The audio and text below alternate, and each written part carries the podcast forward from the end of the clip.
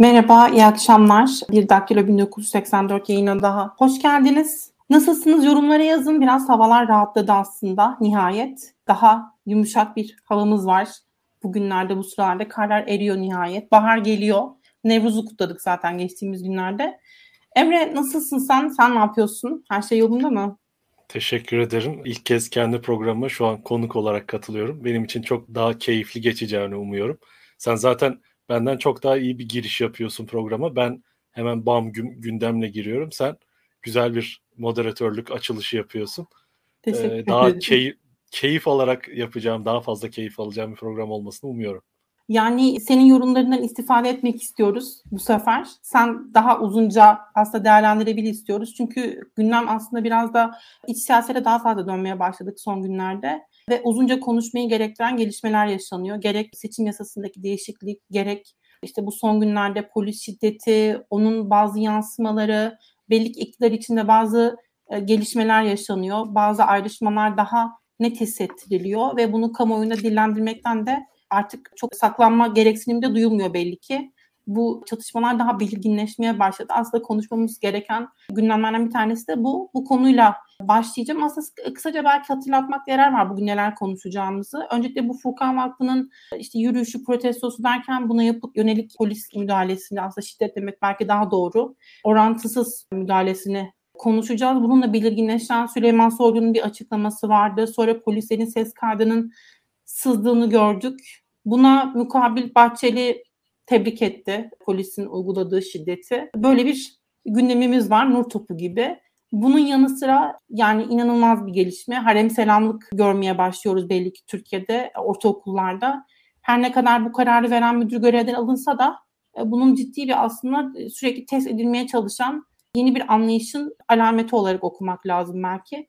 Bunu konuşalım istiyorum ve son olarak da Boğaz içinde öğretim üyeleri tekrar bir bildiri yayınladılar kelimenin anlamıyla. Buna ilişkin olarak işte Kılıçdaroğlu'nun grup toplantısında yaptığı bir açıklama vardı ve Naci İnce de bir açıklama yayınladı Kılıçdaroğlu'nu doğrudan muhatap alıp. Bu da yine gündemde aslında konuşmayı hak edilen konular diye düşünüyorum. Bu akşam bunların hepsinin üzerinden geçelim istiyorum. O zaman başlayalım. Bu polis şiddeti görüntüleri, bu saldırı, bu polisin müdahalesi ve buna ilişkin olarak gelişen olaylar, açıklamalar, siyasilerin özellikle ve iktidar kanadından gelen farklı açıklamalar. Bunları nasıl okumak lazım, neler söylersin?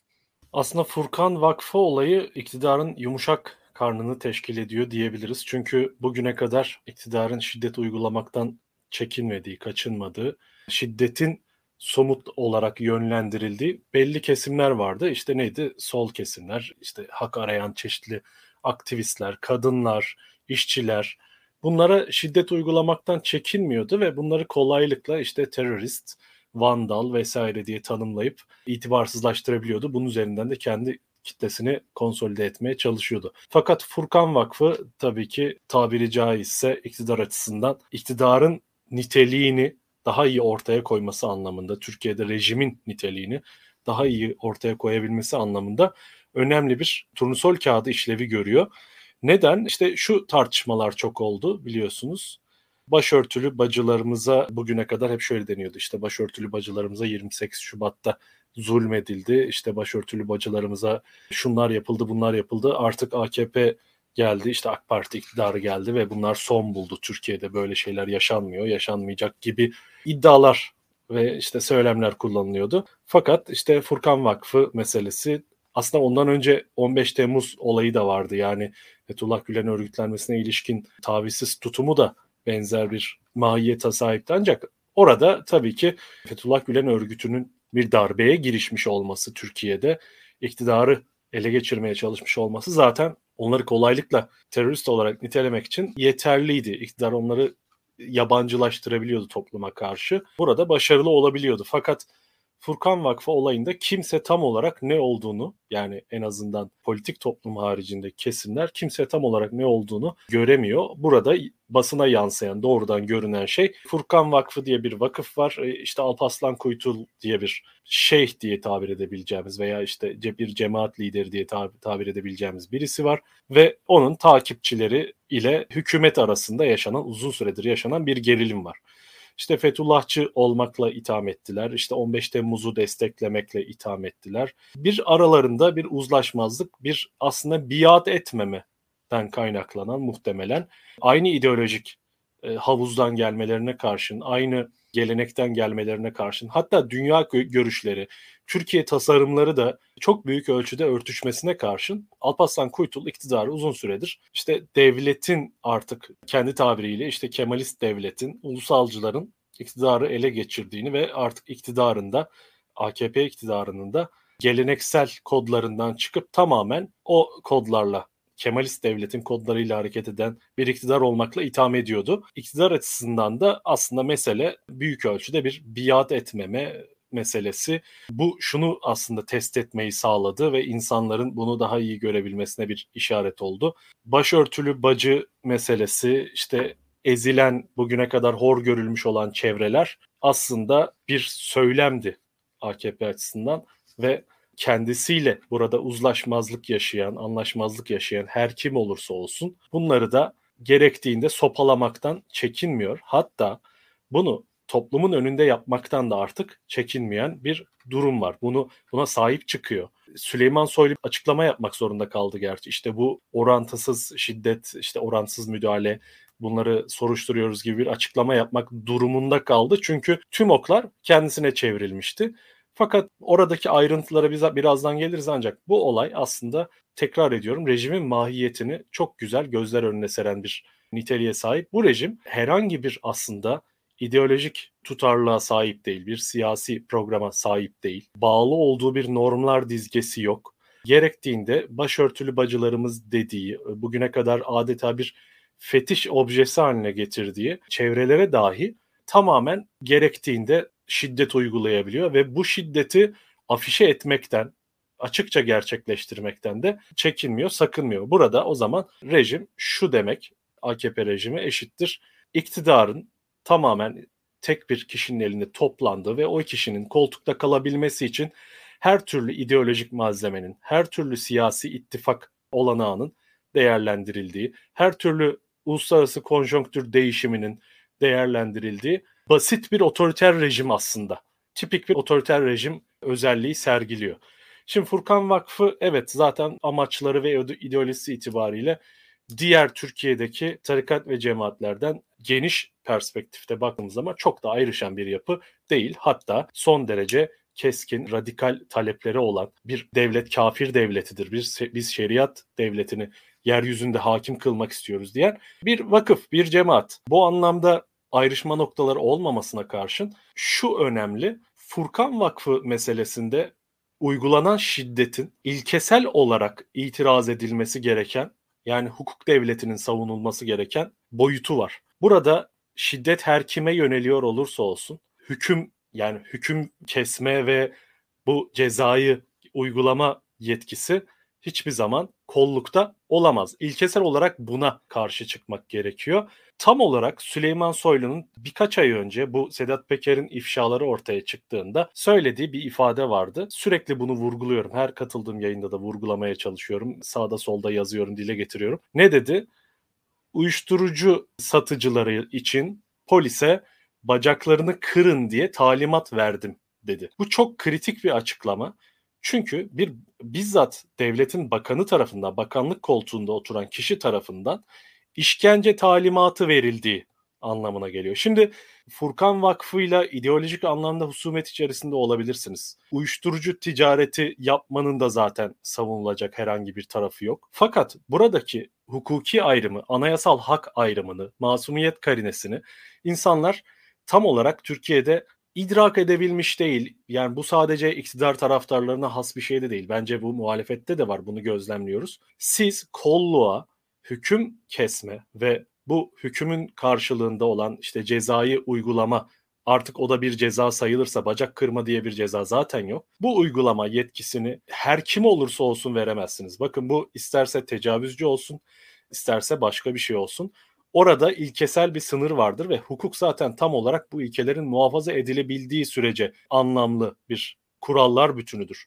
Bunları muhafaza etmediğiniz zaman hukuk bir hikayedir. Herhangi bir çocuk masalından hiçbir farkı kalmaz. Tıpkı şu an uluslararası hukukun büyük güçler tarafından gerektiğinde, çıkarları öyle gerektirdiğinde rahatlıkla çiğnenebilmesi gibi. Furkan Vakfı meselesi aslında iktidarın, o bakanın televizyonda canlı yayında açıkça talimat verdiği o işkence talimatının hasbel kader belki de toplumun yüzüne çarpıldığı ve iktidarda da aslında bir paniğe neden olan üstü örtülemeyen, toplumda infial yaratan. Bakın orada dayak yiyen örneğin işte bir hesaplaşan mafya çetesi olsaydı polisle öyle bir çatışma içerisine giren doğrudan müdahale etmemiş olsalar bile polise bu kadar büyük infial uyandırmazdı toplumda. Böyle büyük infial uyandırabilmesinin nedeni zaten az önce söylediğim gibi bir siyasi ve ideolojik aslında ortaklığı olması kendi geleneğinden gelenlere, kendi savunduğu programı savunanlara da bu şiddeti uygulamaktan kaçınmıyor oluşuydu. Şöyle girmek istiyor. Aslında bu konuda biraz daha e, konuşmamız gerekiyor. Çünkü hem yani bu vurguladığın noktalardan hareketle şunu da biraz sorgulamak lazım sanki. Süleyman Soylu'nun hep en radikal açıklamaları yapanın kendisi olmakla ilgili bir derdi var. Bunu biliyoruz. İşte bu şiddetten sonra biraz geri adım geri adım geri adım atar gibi oldu. Ama Bahçeli'nin bunu destekleyen açıklaması ya aslında burada nasıl bir pozisyonlanma, e, nasıl bir mücadele yaşanıyor aslında bunu da biraz konuşmak gerekiyor. Ne evet, dersin? Evet. Aslında ona gelecektim. Bu işin ilkesel boyutu. Yani bir hukuk devletinde olmasını bekleyeceğimiz sınırlar, insan haklarına ilişkin temel düsturlardan bahsediyoruz burada.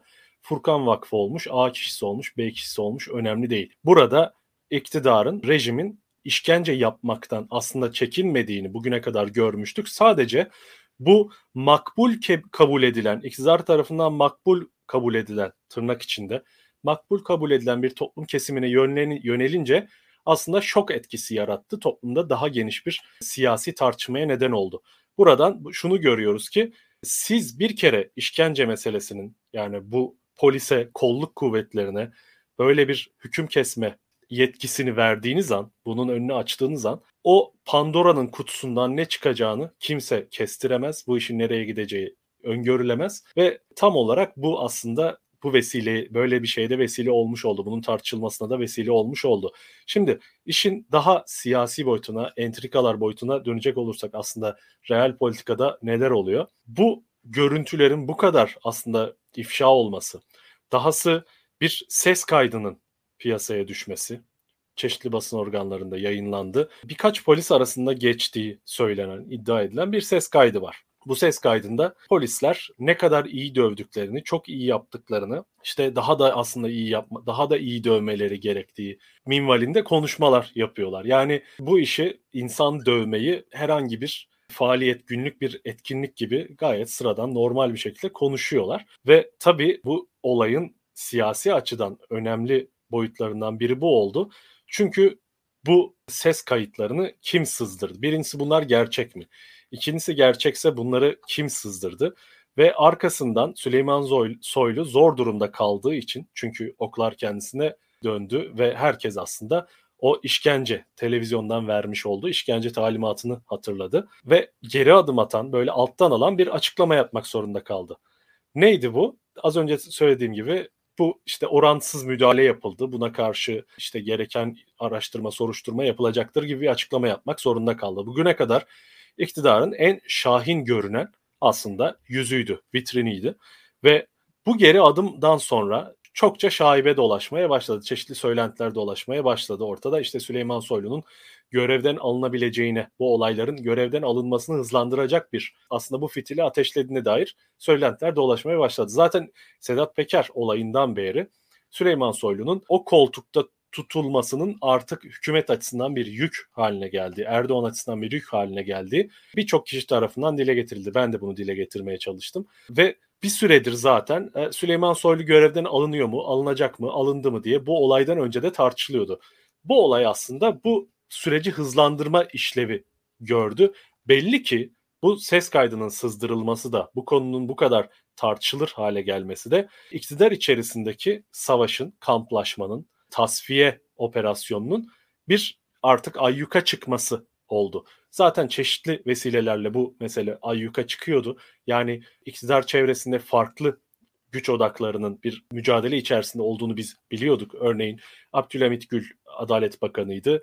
Onunla Berat Albayrak'ın İstanbul ekibi denilen aslında Pelikan ekibi denilen ekip tarafından yönetilen yargı kliği arasında bir çekişme olduğu ve bu nedenle Abdülhamit Gül'ün hükümetin birçok kararına ayak dirediği, bunun neticesinde en sonunda görevden alındığı ve yerine çok daha sadık bir hükümetin Erdoğan'ın istediği herhangi bir şeyi geri çeviremeyecek ölçüde zaafları olan bir e, eski bir bakanın tekrar atandığını gördük.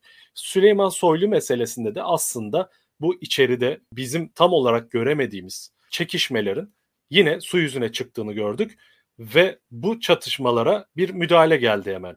Salı günü grup konuşmasında Devlet Bahçeli bir açıklama yaptı. Devlet Bahçeli salı günleri yaptığı grup toplantılarında, grup meclisteki grup konuşmalarında herhangi bir siyasi aslında Türkiye'nin gündemine, Türkiye'nin sorunlarına, iktidarın sorunlarına veya muhalefetin işte önerilerine ilişkin herhangi bir toplumu ilgilendiren, halkı ilgilendiren bir açıklama yapmıyor. Devlet Bahçeli'nin misyonu ya toplumu terörize etmek, ya kutuplaştırmayı iktidarın lehine olacak şekilde derinleştirmek, ya bu kutuplaştırmayı iktidarın manevra alanını, Erdoğan'ın manevra alanını, Bahçeli dışındaki o kliğin dışındaki manevra alanını daraltmak için kullanmak, sürekli toplumda korkuyu, terörü, çatışmayı, kamplaşmayı arttıracak açıklamalar yapıyordu zaten. Burayı bunun için kullanıyordu. Ve son grup toplantısında yine benzer bir şeyle karşılaştık. Dedi ki Furkan Vakfı'na yapılanlar aslında orada işte polisin müdahalesi doğrudur, yerindedir onları alnından öpüyorum dedi. Şimdi bu açıklama o müdahalenin kendisini savunmaktan başka bir anlam taşıyor tabii ki. Herkes zarfa odaklandı bu açıklamadan sonra. İşte bu adam nasıl böyle şiddeti savunan, meşrulaştıran açıklamalar yapar diye. Her türlü açıklamayı yapabilir. Öcalan'ı dinlemiyorsunuz diye HDP'ye, HDP seçmenine kızan bir Milliyetçi Hareket Partisi liderinden. O yüzden bu tür açıklamalar geldiğinde şaşırmamak gerekiyor. Son derece pragmatik ve siyaseti dizayn etmek isteyen açıklamalar bunlar. Neydi o? Süleyman Soylu'nun aslında önüne barikat ördü Devlet Bahçeli. Onu koruyacak, onun arkasında ben varım ve onu görevden alamazsınız mesajıydı. Süleyman Soylu'ya el çektirmek isteyen, onu koltuğundan etmek isteyen çevrelere aslında bir mesajdı. Çünkü Devlet Bahçeli şunu görmüş olacak ki o sızdırılan ses kaydı da bu konunun bu kadar toplumda infial yaratması, gündeme gelmesi de Furkan Vakfı meselesinin şüphesiz ki ben buradan bu sonucu çıkarıyorum. İçerideki mücadelenin seçim yaklaştıkça Erdoğan sonrasına ilişkin mücadelenin veya Erdoğan'dan Erdoğan iktidarı kaybetse dahi bir şekilde oradan bir parça koparmak isteyen bir kliğin aslında diğer kliklerle savaşının iyice ayyuka çıkmasıydı. Nedir bu? Süleyman Soylu Sedat Peker ifşaatından sonra uzunca bir süre bir sessizliğe gömülmüştü. Buna hiçbir herhangi bir şahin açıklama yapmamıştı uzunca bir süre ve son derece düşük profil sergilemeye başlamıştı. Birçok toplumsal gerilim karşısında daha mutedil gerektiği takdirde açıklama yapması gerektiğinde daha mutedil açıklamalar yapıyordu. Fakat son aylarda görüyoruz ki biz sonbahardan itibaren özellikle Süleyman Soylu'nun tekrar vitrine çıktığını, şahin açıklamalar yapmaya başladığını gördük. Burada yeniden bir karar verildi. Sen bir süre dinlen denildi ona, geri çekil denildi. Sedat Peker meselesini biz çözeceğiz denildi ve o mesele şimdilik soğumaya bırakıldıktan sonra Sedat Peker Birleşik Arap Emirlikleri'nde susturulup kontrol altına alındıktan sonra Süleyman Soylu tekrar sahneye davet edildi ve tekrar yüksek perdeden açıklamalar yapmaya, muhalifleri terörize etmeye, herkesi önüne gelene par- parmak sallayıp tehdit etmeye başladı. Ve bunun karşılığında yine iktidar içerisindeki başka odaklar devreye girip tekrar Süleyman Soylu'yla bir çatışmaya girdiler. Aslında o sindirme operasyonu, yıldırma operasyonu belli ki savuşturulmuştu bir dönem. Şimdi tekrar harekete geçtiler ve Süleyman Soylu'nun AKP Erdoğan sonrasında bu yaratılmış olan milliyetçi işte mütedeyyin denilen AKP'nin kemik seçmeninin işte bu 20-25'lik dini ve milliyetçi hamasetlerle çok kolay manipüle edilen seçmenin ve onun daha da genişleyebileceğini biliyoruz. Buranın mirası üzerine bir kavga var aslında. Yapılan kavga bu, beklenti bu. Eğer Cumhurbaşkanlığı seçimi kaybedilse dahi bir şekilde iktidarın meclisi, meclisteki çoğunluğu muhalefete kaptırmazsa, kaptırmamayı başarırsa burada çeşitli ayrışmalar daha fazla gün yüzüne çıkacak ve oradan herkes kendi yolunu çizmeye çalışacak. Şu an bu savaş aslında kim Erdoğan'dan sonra en güçlü şekilde ayakta kalacak? Bunun savaşıydı. Fakat ben öyle düşünüyorum ki Erdoğan'ın denklemden çıkarıldığı bir noktada Süleyman Soylu'nun zaten siyasi olarak varlığını bir özne siyasi özne olarak varlığını sürdürebilmesi çok da olası gelmiyor bana açıkçası. Bu Furkan Vakfı meselesinin görünen yüzünün ardında aslında böyle bir entrika, iktidar oyunu, bir taht kavgası olduğunu açık bir şekilde söyleyebiliriz diye düşünüyorum. Yani devlet içerisinde de yani devlet bürokrasisi içerisinde de siyasi elitler içerisinde de ciddi bir taht kavgası var. Erdoğan sonrasına ilişkin kim hayatta kalabilecek? Bununla ilgili bir kayıkçı kavgası var diyebiliriz ve Furkan Vakfı gibi olaylar, işte iktidarı yumuşak karnı, mafya hesaplaşmaları, Sedat Peker ifşaatı, Furkan Vakfı, işte yasa dışı bahis, kara para gibi konular gündeme geldiğinde iktidarın bu yumuşak karınları gündeme geldiğinde bu taht oyunları daha fazla ifşa oluyor, gündeme geliyor diyebiliriz. Örneğin işte şöyle bir mesele, şunu da hatırlatmak gerekiyor bence. İmamoğlu'nun MOBESE kayıtlarının yayınlanması meselesi de döndü dolaştı. Yine Süleyman Soylu'yu vurdu hatırlayacaksınız. Yani iktidar içerisinden Süleyman Soylu karşıtı olan farklı çevrelerde bu anlamda tıpkı Sedat Peker'in belli bir süre Albayraklarla bir gerilim yaşayıp Berat Albayrak'la bir gerilim yaşayıp daha sonra onunla onu hedeften indirip Süleyman Soylu'yu baş hedefe koyması gibi Süleyman Soylu'ya yöneldiği zaman oklar iktidar içerisindeki çevrelerde bu fırsatı değerlendiriyor diye düşünüyorum ben. Şu anda bunu yaşıyoruz. Aslında o ses kayıtlarında sızdıran kuvvetle muhtemel yine iktidar içerisinden bir takım isimler. Zaten sanırım bu atmosferde bu gücü bu güce sahip olan kayıtları elde edebilecek, bunları sızdırabilecek güce sahip olan kitlenin de başka bir yerden gelme ihtimali çok düşük. E, ama tabii burada bir başka şeyden daha bahsediyoruz. Her seferinde olduğu gibi bu tür dini cemaatlerin, e, belki Furkan Vakfı burada dışlanan tarafta ama e, bunun haricindeki cemaatlerin bir şekilde korunup kullandığı, bir şekilde böyle vekalet savaşları için belli ki kullanıldığını, değerlendirildiğini biliyoruz. Görünen yüzde bir polis şiddeti var ama arkada bambaşka şeyler döndüğünden bahsediyorsun aslında. Ve çok uzun zamandır da bu işte klikleşmeden vesaire bahsediliyordu ama işte bir görünür gibi oluyor. Sonra bir e, işte düşük profil vesaire bir şekilde kendi işlerine bir denge buluyorlar ama özellikle belki şeyi de hatırlatmak lazım. Ne dersin? E, Abdülhamit Gül'ün istifa görevden affı sürecinden sonra belki Süleyman Soylu'nun temsil ettiği bloklaşma biraz zafer kazanmış gibiydi. E, ama görüyoruz ki şimdi tekrar işler değişiyor. Bilmiyorum bir şey söyler misin onunla ilgili? Hani orada Aslında, bir olmuş muydu? Hı hı. Aslında orada zafer kazanan Süleyman Soylu ekibi değildi. Orada zafer kazanan İstanbul ekibi denilen, yargı içerisindeki İstanbul ekibi denilen ve Abdülhamit Gül'ün yargı içerisinde daha geçindiği örgütlenmelerini orada yani korkunç bir durumla karşı karşıyayız aslında. Çok sıradan olaylar gibi bahsediyoruz ancak çeşitli devlet kurumları, yargı da buna dahil olmak üzere iktidarın içerisindeki yasa dışı ve yasal görünümlü klikler tarafından parsellenmiş durumda. İşte Ankara ekibi var, İstanbul ekibi var, imar işlerinden rant elde eden var, Sağlık Bakanlığı'nda kadrolaşıp oradaki ihalelerden rant elde eden var. Yani bunlar aslında mahallemizden bizim sokağımızdan başlayıp işte uyuşturucu satışı, satıcısıdır, şudur budur, yasa dışı bahis siteleridir vesairedir.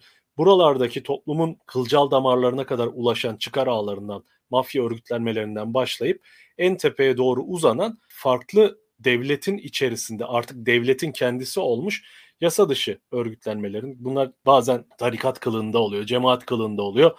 Bazen işte açıkça mafya kılığında oluyor. Bunlar arasında tamamen devlet kurumlarının, yargının, şunun bunun, emniyetin parsellenmiş, paylaşılmış olduğunu görüyoruz. İşte Abdülhamit Gül olayında da aslında bu İstanbul ekibi denilen Berat Albayrak'a, işte Hilal Kaplanların başına çektiği Pelikan denilen örgütlenmeye bağlı olan kesimin İstanbul üzerindeki hakimiyetinin tahkim edilmesi işlevini gördü ve Abdülhamit Gül'ün oradan el çektirilmesi tabii ki Abdülhamit Gül e, yargıyla ilgili bir takım kararlarda sorumluluk almamak adına daha çekingen davranıyordu son zamanlarda. Sorumluluk almaktan kaçınıyordu ve ayak diriyordu. Hukuksuzluklar karşısında muhtemelen kendini daha fazla riske etmek istemediği bir sürece girdi ve daha sonra onun ipi çekildi çünkü yalnız kalmıştı muhtemelen. Orada bence kazanan o yüzden Süleyman Soylu'dan ziyade yani Devlet Bahçeli Süleyman Soylu gibi daha soğuk savaş müesses nizamını te- temsil eden güçlerden ziyade oradaki daha işte AKP sonrası örgütlenmiş olan damat e, etrafından örgütlenmiş olan bir ekip oldu diye düşünüyorum. Bekir Bozdağ'ın orada Adalet Bakanlığı'na getirilmiş olması da tam olarak aslında iki anlamı vardı. Birisi Abdülhamit Gül'ün ve o hak sözcüler vesaire onların kontrolünün kırılmasıydı yargıdaki. Bir diğer anlamı da şuydu. Yargıda iktidar açısından çok tehlikeli, hassas bir döneme girildi. Seçim sürecinde bu sadece iktidar açısından değil hepimiz açısından karanlık bir dönem aslında. Bu dönemin nere, neler getirebileceğini öngörmek gerçekten çok güç. Hepimiz açısından çok tehlikeli işler yapılıyor. Birazdan başka bir konuya daha değineceğim ama onu başka bir programda daha geniş ele alırız. Tehlikeli işler ve büyük riskler alınabilecek bir döneme girdik. İşte bu büyük risklerin altına imza atabilecek, bunların operasyonel faaliyetlerini yürütebilecek, daha sadık, daha gözüpek, daha iktidara itiraz edemez, Erdoğan'a saraya itiraz edemeyecek isimlere ihtiyaç var bakanlar koltuğunda. Kimdir bunlar? Örneğin işte Nurettin Nebati'dir, örneğin Bekir Bozdağ'dır. Bunlar düşük profilli, özellikle Nurettin Nebati için söyleyebiliriz. Bunlar aslında o koltukta olmayı layık olan kişiler olmadığını zaten her gün tekrar tekrar deneyimliyoruz. Bunlar neden o koltuktalar?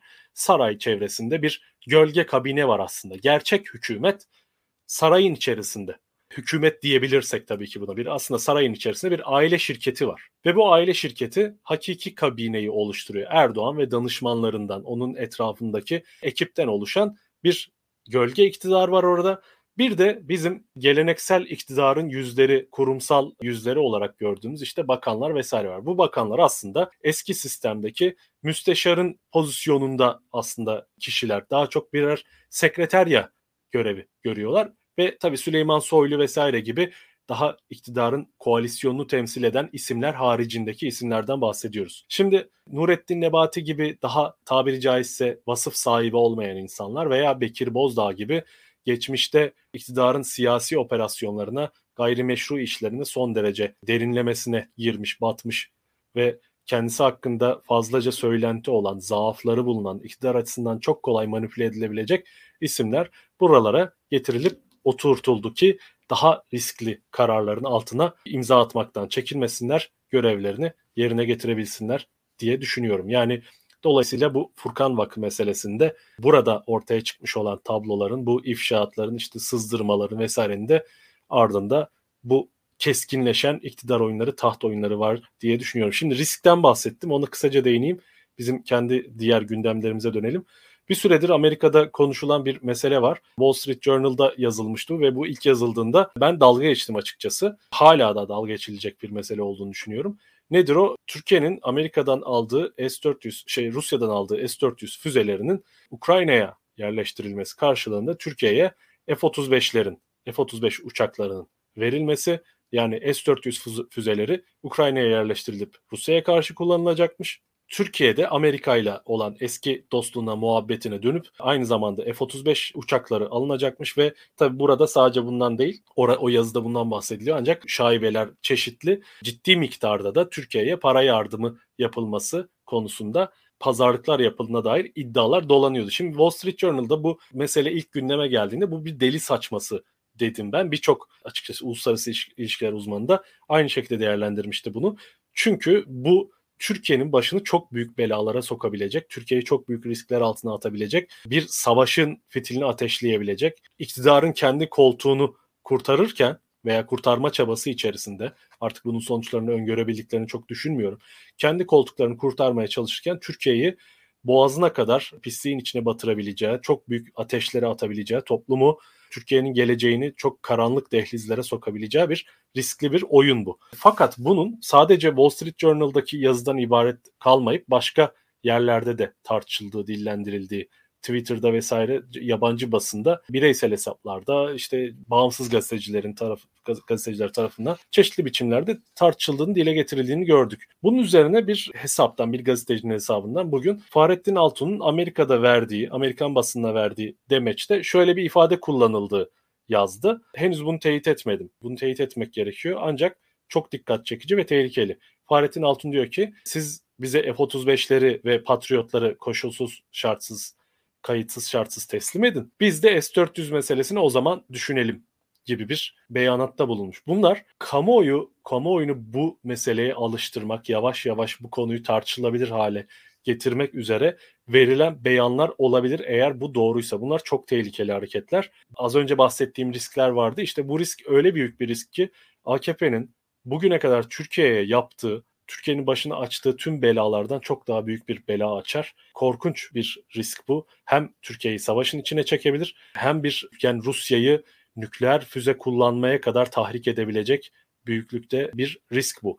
Ve çok tehlikeli. Umarım bu bir şaiyadır, bir söylentidir. Devamı çıkmaz diyelim. Ama iktidarın bu kadar çaresiz ve bu kadar içeride çünkü kendi iktidarının seçimi doğru giderken ekonomik göstergelere baktığımızda elindeki enstrümanları kullanarak, siyasi aklını kullanarak, ekonomik aklını kullanarak artık bu işi tersine çevire, çevrilemeyeceği yavaş yavaş en azından bu kalan sürede seçime doğru giden bu kalan sürede bunu başaramayacağı yavaş yavaş daha fazla ortaya çıkıyor, kabul edilmeye başlanıyor. O yüzden bir takım işte sandık sandıkla ilgili hilelere, ayak oyunlarına başvurmak üzere çeşitli girişimlerde bulunulmaya başlandı son seçim yasası teklifiyle birlikte. O yüzden böyle risklerle karşı karşıyayız. Bunları da ortadan bu içeride girdiği çıkmazı çözebilmek için bu uluslararası konjonktürü değerlendirerek aslında Ukrayna meselesi üzerinden iktidar şu an kendine yeni çıkış kapıları arıyor diyebiliriz. Batı'da Batı'yla yeni tavizler karşılığında yeni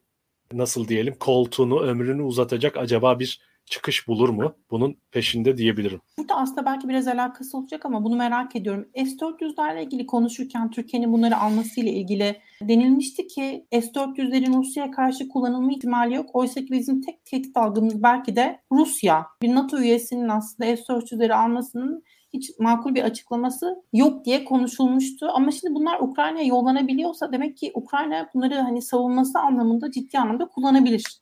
Aslında bu argümanın da belki yanlışlandığını görmüş oluyoruz. Ne dersin? Yani Biraz e, güvenlik bunun politikaları ile ilgili karmaşık bir soru belki ama yani detaylarına belki çok hakim olmayabilirsin ama yine de belki not etmek e, tabii bunlar biraz daha teknik ayrıntılar içeren şeyler. Yani ben bir savunma teknolojilerine çok hakim birisi değilim. Hatta hiç hakim birisi değilim. Ancak bu teknolojilerin yazılımlarının işte bunların sahip olduğu formasyonun Amerika'nın eline geçmesi durumunda veya işte bir şekilde bunların Türkiye'den çıkartılıp manipülasyona açık hale getirilmesi durumunda e, Rusya bu işten zararlı çıkmış olacak. Şu an S-400'leri Türkiye'ye yerleştirerek aslında bir rüşvet almış oldu, rüşvet vermiş oldu Türkiye Rusya'ya. Bunlar bir rüşvetin karşılığıydı. Zaten Türkiye'nin tehdit algısıyla ilgisi olan bir şey değil. Bu tamamen kullanılamayacak zaten aktif hale getirilemeyeceği de savunma uzmanları tarafından söyleniyordu. S-400'lerin Türkiye'de olması Türkiye'nin Rusya ile Suriye'de karşı karşıya gel, geldikten sonra işte uçak düşürme olayı oldu. Askerlerin 34 askerin şehit edilmesi meselesi oldu. Bunlar karşılığında Türkiye'nin aslında Rusya'ya verdiği bir rüşvetti onun satın alınması getirilip burada sadece konuşlandırıldı ve Türkiye açısından Türkiye'yi batıdan daha fazla uzaklaştırma işlevi gören bir fonksiyon üstlendi. Rusya açısından bu silahların Türkiye'ye getirilmiş olması. Yoksa bunun Türkiye'nin güvenliğiyle falan çok da ilgisi olan bir durum olmadığını söyleyebiliriz. Tabii uzun zamandır AK Parti iktidarında hiçbir zaman yani uzun zamandır Türkiye'nin çıkarlarını değil yalnızca e, belli başlı kişilerin, yalnızca belli bir kişinin çıkarlarını öncelediğimiz ve düşündüğümüz için ve onun ebedi iktidarı için politikalar şekillendirdiği için, şekillendirildiği için aslında başka bir şeyle çok konuşuyor olmuyoruz. Ve yani şimdi geçeceğim konu işte Türkiye'de tekrar harem selamlık uygulamaların ortaokula kadar inmesi meselesi. E, bunu konuşurken ve diğer bu bütün bu, akş- bu akşam konuşacağımız konuları düşündüğümde e, bir yanıyla bunlar başka iç çatışmaların tezahürü belki ama bir yanıyla da tam da AK Parti'nin, AKP'nin, MHP'nin Türkiye'yi hayal ettiği şekil, yani Türkiye'de tam olmasını istedikleri politikalar, polis şiddeti, laikliğin ortadan kaldırılması, akademik özelliğin tamamen biatla yer değiştirilmesi meselesi ve şimdi konuşurken yani bu ortaokulda kız ve erkek öğrencilerin harem selam şekilde birlikte oturtulmamaları meselesinde aslında yorumlarını merak ediyorum ama belki bunun hani bu imam hatiplerin ortaokul e, ortaokul imam hatipleri de açılması birlikte belki fiili uygulamalar hep vardı. Ama bunun böyle kağıda kaleme dökülmüş şekilde karşımıza çıkması aslında bambaşka bir şeyi işaret ediyor belki. Sen ne dersin? Gerçi okul müdürü görevden alındı diye bir haber okudum ama yani bilmiyorum. Evet aslında büyük bir infial uyandırınca daha doğrusu aslında iktidarın istemediği bir anda ortaya çıkınca bu kendi kontrolü dışında gelişince buna geçici olarak bir müdahalede bulunmak durumunda kaldılar. O okul müdürü işte görevden alındı deniyor ancak tabii ki daha önceki örneklerinde şunu gördük. Bu görevden alınan kişiler bir şekilde bir süre sonra olay soğuduktan sonra tekrar görevine iade edildi veya hatta taltif edilenler, ödüllendirilenler, daha işte oraya ilçe milli eğitim müdürü, müdürü yapılanlar bile oldu. Şimdi buradaki bu olayın bu kadar birden tekrar gündeme gelmesi kendiliğinden de gelişmiş bir şey olabilir ancak şöyle bir durum var. Türkiye'de zaten bu tür harem selamlık uygulama yapılan okullar fiiliyatta var. Yani bu bugün de bugüne has bir şey de değil. Geçmişte de bu tip e, işgüzar yöneticiler, müdürler olabilir, öğretmenler olabilir. Bunları zaten büyük şehirlerde olmayan, çok göz önünde olmayan, belki daha muhafazakar kentlerde, daha mütedeyyin ailelerin, çocukların yaşadığı okullarda, bölgelerde zaten bu tip şeyler defakto olarak, fiili olarak gerçekleştiriliyordu. Biz bunların bazılarını duyuyoruz, bazıları gündeme geliyor. Orada Örneğin bu müdürün buraya bir talimat vermesi söz konusu söz konusu olmuş öğretmenlere. Öğretmenler de bunun sözlü bir talimat olarak olamayacağını, yazılı olarak bunun kendilerine iletilmesi gerektiğini çünkü bu konuda sorumluluk almak istemiyorlar elbette. Bu yazılı olarak talimat gelmesi karşılığında bunu yapabileceklerini en azından beğenmişler ve bir şekilde o yazı o müdür öyle bir cüretkarlık gösterince o yazı ifşa oldu tabii ki. Belki de bilinçli olarak bu yazıyı yazmalarını sağladılar müdürün onu ifşa edebilmek için. Fakat dediğim gibi şunu söyleyebiliriz. Bu uygulamalar zaten Türkiye'de daha kuytuda kalan gettolarda, daha muhafazakar kentlerde, ilçelerde, köylerde vesaire bunlar zaten uygulanıyor ve birçok veli, birçok aile işte muhafazakar ailelerin yaşadığı bölgelerde aileler zaten çocukları için bu tür tasarruflar talebinde bu, böyle tasarruflar da bulunuyor. Bunları talep ediyor. Bunun bugün ortaya çıkmış olması tabii ki ve bu kadar tartışılabilmiş olması yine aslında bence yine iktidarın istemediği bir anda bir laiklik tartışmasının gündeme gelmesine yol açtı. Şöyle yorumlar var. İşte şeriat bir gece sabah kalktığınızda işte akşamdan sabaha gelmeyecek. İşte şeriat böyle aşama aşama geliyor. İktidarın programı aslında bu yorumları var. Bunun haklılık payı var. Şöyle var. Evet yani geçtiğimiz 20 yıla bakacak olursak Türkiye'de iktidar kendi hedeflediği ölçüde o boyutta, o derin, derinlikte başaramamış olma, olsa da toplumda bir dini dönüşüm yaratmayı başardı. Sekülerliği belli ölçüde tasfiye etti. İşte laikliği belli alanlardan tasfiye etti, aşındırdı. Kamusal alanda laikliği tasfiye etti belli ölçüde. Şöyle diyebiliriz yani bir yandan mütedeyyin, muhafazakar toplum kesimleri de aslında sekülerleşti. Çünkü kentleşmenin, kapitalistleşmenin getirisi ile modern dünyanın gündelik pratiklerine, modern dünyanın nimetlerine köylerden işte kasabalardan kalkıp kentlere gelen kesimler bir iki kuşak sonra onlar da kentli pratiklere ayak uydurmaya, adapte olmaya başladı ve orada da bir türlü ve bir tür sekülerleşme aslında gerçekleşti. Hatta şu tartışmalar yaşandı biliyorsunuz. İşte bir deistleşme, deizm furyası mı var acaba falan gibi endişeler var o cenahta. Çünkü mütedeyyin aileler kendi çocuklarını özellikle bir ideolojik endoktrinasyonla yetiştirmek isteyen aileler kendi çocuklarını bu endoktrinasyona tabi tutamadılar. Tutmaya çalıştıkları başka bir e, dünyanın bireyleri olarak karşılarına çıkmaya başladı.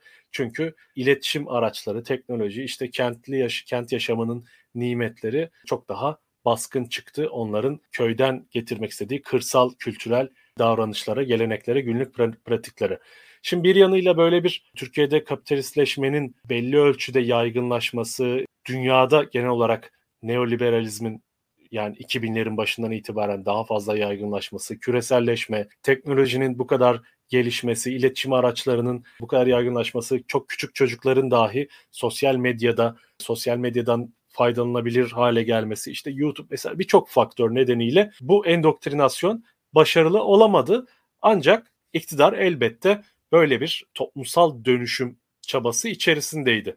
Şimdi fakat bu toplumsal dönüşümün kendisinin dahi tıpkı Furkan Vakfı meselesinde aslında bunu örneklemeye çalışmıştım. Bu toplumsal dönüşüm çabasının kendisi dahi bence doğrudan bir şeriat işte düzeni, bir kurallar, İslami kurallar silsilesine tabi kılınacak bir toplum ve devlet düzeni yaratma amacı taşımıyordu. Sadece daha İslami sosla yönetilebilecek, manipüle edilebilecek bir toplum düzeni yaratmaya çalışıyordu iktidar. Yani şunu demiştim hatta bir, bir, birkaç ay önce Twitter'da iktidarın şeriat getirmek gibi bir niyeti yok. Böyle bir gücü ve kapasitesi de yok bence demiştim. Ve çok tepki görmüştü. Ancak şu anlama gelmiyor. İktidar efendim bunlar Türkiye'de daha baskıcı, dini bir otoriter rejim kurmaya çalışıyor, çalışmıyor anlamına gelmiyor.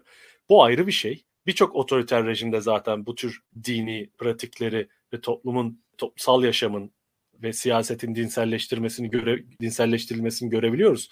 Ancak şeriat düzeni kurmak dediğiniz 1500 yıllık bir anayasası olan bir fıkıh birikimi olan yani AKP'nin boyunu çok çok aşan bir müesses nizama tabi ol kılması kendini iktidarın ve onun kurallarına, onun normlarına bağlı kılması mümkün değil. Böyle bir şeyi kabul edemez bu iktidar. Çünkü bu iktidarın olayı günlük ihtiyaçlarına göre farklı ideolojik manevralara, farklı ideolojik minderlere hızla geçebilmek, dün dediğini yarın inkar edebilmek, dün işbirliği yaptığını yarın terörist ilan edebilmek, terörist başı dediğini hapisten e, mesaj yayınlatıp bu adamı dinleyin diye beyanat verebilmek.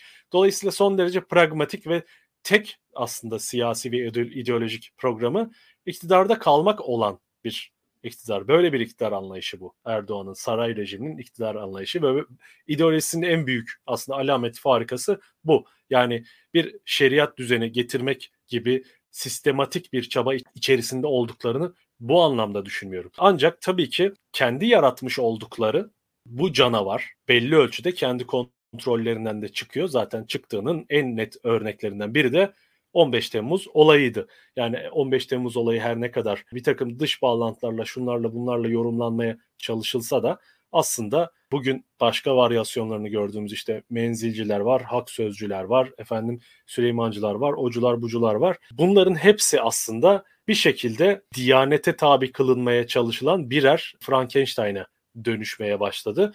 Geçmişte Fethullah Gülen örgütünün yaptığı şeyleri yine başka bu yapılanmaların çeşitli biçimlerde yapmayacağını garantisi yok. Zaten bunların da sadece Türkiye Cumhuriyeti dönemine has değil.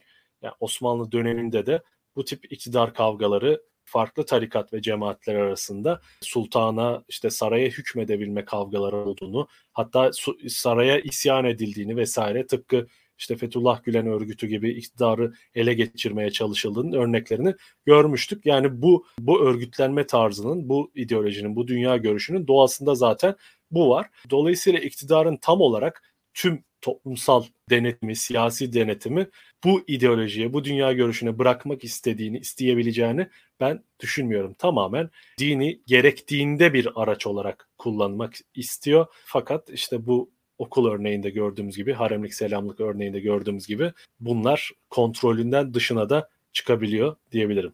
Son zaman, son dakikalara geliyoruz aslında zamanımız da daralıyor. Özellikle bu son olarak e, Boğaz içinde tekrar öğretim üyelerinin bir bildiri yayınlamasını konuşuyoruz aslında son birkaç gündür ve buna istinaden Kılıçdaroğlu'nun grup toplantısında işte orada yeni açılan fakülteleri kapatacağız gibi bir açıklaması var. Ona gelen olumsuz tepkiler var. Sonra Naci İnce bir cevap yayınladı. Kılıçdaroğlu'nu doğrudan muhatap alıp. Aslında bunlar tekrar yeniden bir Boğaziçi gündemine doğru yaklaştığımızın belki işaretleri. Sen özellikle bir de Boğaziçi'li olarak neler söylersin bununla ilgili? Şimdi Boğaziçi meselesinde aslında bu az önce zikrettiğimiz birçok meseleyle iç içe bence nedir? Bir gezi davası işte birkaç gün önce yine aynı gün Boğaziçi davasıyla Boğaziçi davası dediğimiz şeyde işte 14 tane öğrenci yanlış hatırlamıyorsam o davada yargılanıyor şu an. işte rektörün yeni gayrimeşru kayyum rektörün şikayetiyle yargılanıyorlar. Bunlardan iki tanesi yaklaşık 3 ay tutuklu kaldı. Tutuklu kalma gerekçeleri de rektörün makam aracının üzerine oturmuş olmalarıydı. Aracın üzerine çıkmış olmalarıydı. Yani iki genç 19-20 yaşında iki genç rektörün makam aracının üzerine oturduğu için 9 tutuklu tutuldu. Tamamen bir orada bir gözdağı verme isteği vardı. Nedir? Bu muhalefetin aslında belli nirengi noktalarına, belli sembolik noktalarına farklı kesimlerin bu davalar eliyle, bu siyasi davalar eliyle gözdağı verme kaygısı var. Birisi Boğaziçi davası, birisi Gezi davası, birisi yine Montreux bildirisi yayınlayan generaller meselesi. Montre bildirisi emekli amiraller 103-104 tane amiral böyle bir bildiri yayınladığı için işte darbe girişiminde bulunmak, işte darbe çağrısı yapmak falan gibi ithamlarla karşılaştılar. İşte orada bir saçma sapan bir dava yürüyor. Boğaziçi meselesiyle ilgili böyle bir dava yürüyor. O yüzden Boğaziçi gibi Gezi gibi bu davaların sürekli hukuksuz bir şekilde tekrar tekrar ısıtılması, tekrar tekrar gündeme getirilmesi bunlar iktidarın aslında muhalifleri kriminalize edebilmek, terörize edebilmek için kullandığı sembolik alanlar ve Boğaziçi'ni fethedilmesi gereken bir aslında kızıl kızıl elma gibi görüyor diyebiliriz iktidar. Boğaziçi iktidar açısından birkaç yıl öncesine kadar hatta belki bir buçuk iki yıl öncesine kadar asla kontrol altına alınamamış. Her ne kadar Boğaziçi içerisinde iktidarın ilk dönemde işte onun liberal bir programa sahip olduğunun düşünüldüğü, bu çevreler tarafından düşünüldüğü bir dönemde Boğaziçi içerisinde böyle bir destek görmüş belli bir akademisyen çevresi tarafından desteklenmiş ve onun ideolojik hegemonyasına katkı sunulmuş olsa da Boğaziçi tabii ki bu kliklerden ibaret değil. Çok büyük bir eğitim kurumu ve sembolik bir eğitim kurumu. Türkiye'de otoriterleşmeye direnen son üniversitelerden biriydi. Belki bir elin parmaklarını geçmez. Hatta ODTÜ'de dahi tam bir kontrol sağlayabilmişti iktidar kayyum rektörle. Fakat Boğaziçi'nde ara çözümlere gidilmek zorunda kalmıştı, kalınmıştı. Örneğin Mehmet Özkan Boğaziçi'nin de belli bir süre sonra bir ara çözümü olarak üniversite akademisyenlerin, hocaların orada olmasına belli ölçüde rıza gösterdiği en azından Boğaziçi geleneğinden gelen bizden biri iktidara yakın olsa da okula zarar vermeyecek biridir diyerek ara çözümlerle orada kalmasına göz yummuştu ve o bile Mehmet Özkan bile iktidarı aslında tah- tatmin etmeyen bir oradaki aracıydı, bir kapıydı. İktidarla üniversite arasında bir kapıydı o adeta. Bir memur değildi, tam olarak bir bekçi değildi. Mehmet Özkan da yetersiz geldi ve artık orayı tam olarak fethedebilme, Türkiye'deki otoriterleşmenin önünde bir direnç noktası olarak kalmış olan az kurumdan çok az kurumdan biri olarak Boğaziçi'ne böyle bir saldırı girişiminde bulunulmuştu ve işte Melih Bulu ile denendi bu. Melih Bulu meselesi başarısız olunca onun yardımcılığı görevini kabul etmiş olan ve aslında iktidarla uzun yıllardır içli dışlı olan Naci İnci Hoca fizik bölümünden bu göreve talip oldu ve Melih Bulu'dan çok daha saldırgan, agresif, çok daha görevlere hazır bir şekilde, çok daha talimatları yerine getirmekte, getirme konusunda iştahlı bir şekilde orada üniversiteyi çökertmek için ve tam olarak AKP'nin bir uzantısı bir tıpkı diğer devlet kurumlarına, diğer bürokratik kurumlara, diğer özel kurumlara, işte Merkez Bankası'ndan ordusuna, yargısına, emniyetine, Tapu Kadastro Müdürlüğü'ne varana kadar tüm kurumları birer parti teşkilatı haline getirmiş olan AKP açısından Boğaziçi'ni bir Sarıyer, Rumeli Hisarüstü ilçe örgütü işte haline getirebilmek, mahalle örgütü haline getirebilmek için bir tabiri caizse bir huruç harekatına, bir taarruza kalktı ve aslında Kılıçdaroğlu'nun son söylediği bu anlamda Naci İnci'nin kaderine işaret eden bir beyanattı. Yani ona orada Boğaziçi'ne yönelen bir siyasi bir müdahale yoktu. Kendisi böyle bir açıklama yaptı. İşte siyasetle bilimi birbirine karıştırmamak lazım gibi bir açıklama yaptı Naci İnci bugün Kılıçdaroğlu'nun grup konuşmasında, konuşmasına cevaben. E, tabii ki bu bir talimatla yazdırılmış bir beyanla, beyanattı, bir açıklamaydı ve orada tam olarak iktidarın bir Rumeli Hisarüstü muhtarı gibi orada oturan, bir memur gibi, bir bekçi gibi oturan, bir siyasi parti komiseri gibi, politbüro temsilcisi gibi orada oturan Naci İnci birden üniversiteye siyaset sokulmaması gerektiğini hatırladı. Burada şunu da vurgulamak istiyorum izleyenlerden bilmeyenler vardır. Kendisi üniversitede yapılan güven oyu akademisyenler kendi arasında bir güven oyu oylaması yaptı. %95 oranında red aldı. Burada yani en yüksek güvensizlik oyuna ulaşan kişiydi üniversitede orada ortaya çıkan adaylar arasında atanmadan önce. Şimdi Naci İnci'ye talimatla, siparişle yaptırılan bu açıklamalar Kılıçdaroğlu ne demişti? Orada usulsüz bir şekilde oldu bittiyle kurulan fakülteleri kapatacağız. Bu üniversitedeki kadrolaşma ve üniversite yönetim kurulunda işte oy hakkı elde edebilmek için uydurulan kadrolar, oraya paraşütle indirilen kadrolar, usulsüz bir şekilde görevden alınan dekanların yerine atanan usulsüz bir şekilde atanan dekanlar hiçbir teamülü, hiçbir akademik özelliği, bilimsel teamülü gözetmeden yapılan atamaların bunların hepsini görevden alacağız. Bu çadır fakülteleri de kapatacağız dedi Kılıçdaroğlu. Son derece yüksek tondan bir açıklama yapmıştı.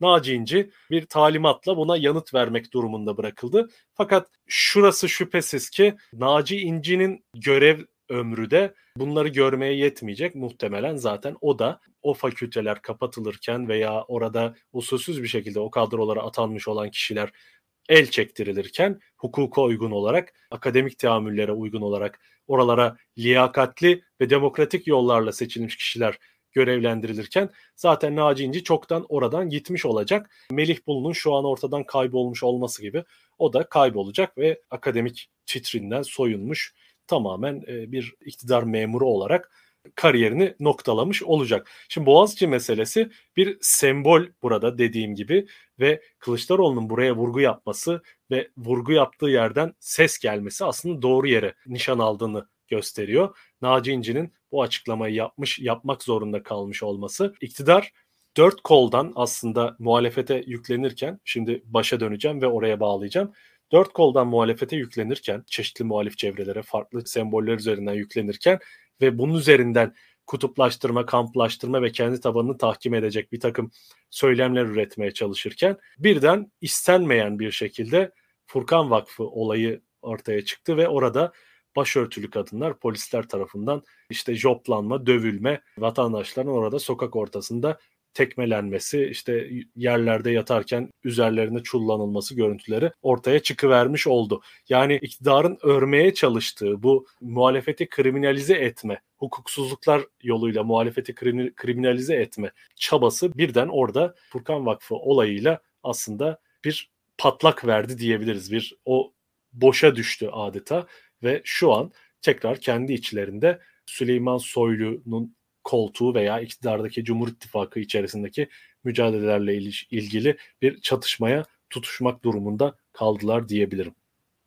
Yayının sonuna geldik aslında ama eğer son bir iki cümlen varsa alabilirim. Sonrasında yayını kapatmış olalım. Ama sonunda hepsini bir araya bağlamak güzel oldu gerçekten. Evet yani ilk kez bu yayını tek başıma yani daha doğrusu bir moderatör olarak değil de söyleşiyi tamamen, yorumu tamamen benim yaptığım bir şekilde gerçekleştirmeye çalıştık. Umarım bundan sonra böyle farklı biçimlerde devri sabıkı değerlendirmeyi deneyeceğiz. Bunu izleyicilerin reaksiyonlarına göre de tabii ki buna karar vereceğiz. Umarım sürçülisan etmemişindir. Ettiysek de affola diyelim. Benim söyleyebileceklerim bu hafta bu kadar.